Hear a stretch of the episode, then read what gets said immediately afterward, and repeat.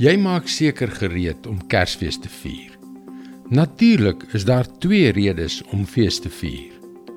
Daar is die Kersvader, die rendiere, die versierings van klatergoud en kalkoene en puddings of die oorspronklike en die beste rede, die koms van die verlosser van die wêreld. Hallo, ek is Jockey Gouchee vir Bernie Diamond en welkom weer by Fas. Ag nou ja, daar is niks meer verkeerd om albei terselfdertyd te vier nie. Maar as jy werklik glo dat Kersfees gaan oor Jesus en om te onthou hoe hy een van ons geword het, hoe hy in ons midde gewandel het en uiteindelik vir ons gesterf het, dan wil ek jou herinner aan die feit dat die wêreld jou fyn dophou. Hulle wonder of jy en jou gesin bloot 'n fees gaan vier. Jy weet mos, die een waar jy op Kersdag so baie eet en drink dat jy in 'n koskoma beland.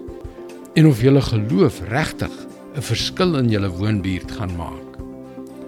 Jy dink dalk, ag nou ja, ons bure weet nie eers dat ons Christene is nie. Dis is ons veilig van hulle oordeel. Maar as dit waar is, verskoon my dan dat ek so sê, dan is dit 'n baie ernstige aanklag.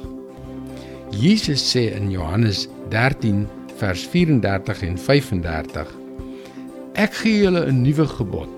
Julle moet mekaar lief hê. Soos ek julle liefhet, moet julle mekaar ook lief hê. As julle mekaar liefhet, sal almal weet dat julle disippels van my is.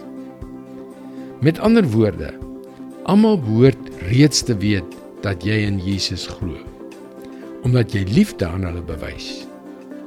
Maar het jy opgelet dat mense deesdae nie so baie in die waarheid belangstel nie? Maar weet jy mense is honger vir wysheid. Wysheid om te weet hoe om die waarheid toe te pas, om die waarheid uit te leef. As julle mekaar liefhet, sal almal weet dat julle disippels van my is. Dit is God se woord vars vir jou vandag. Mag jy hierdie Kersfees 'n groot impak vir Christus maak. Jy kan daagliks boodskappe soos hierdie per e-pos ontvang. Gaan gerus na ons webwerf varsvandag.co.za en teken in. En luister weer môre op dieselfde tyd op jou gunstelingstasie na nog 'n vars boodskap van Bernie Diamond. Seënwense en mooi loop.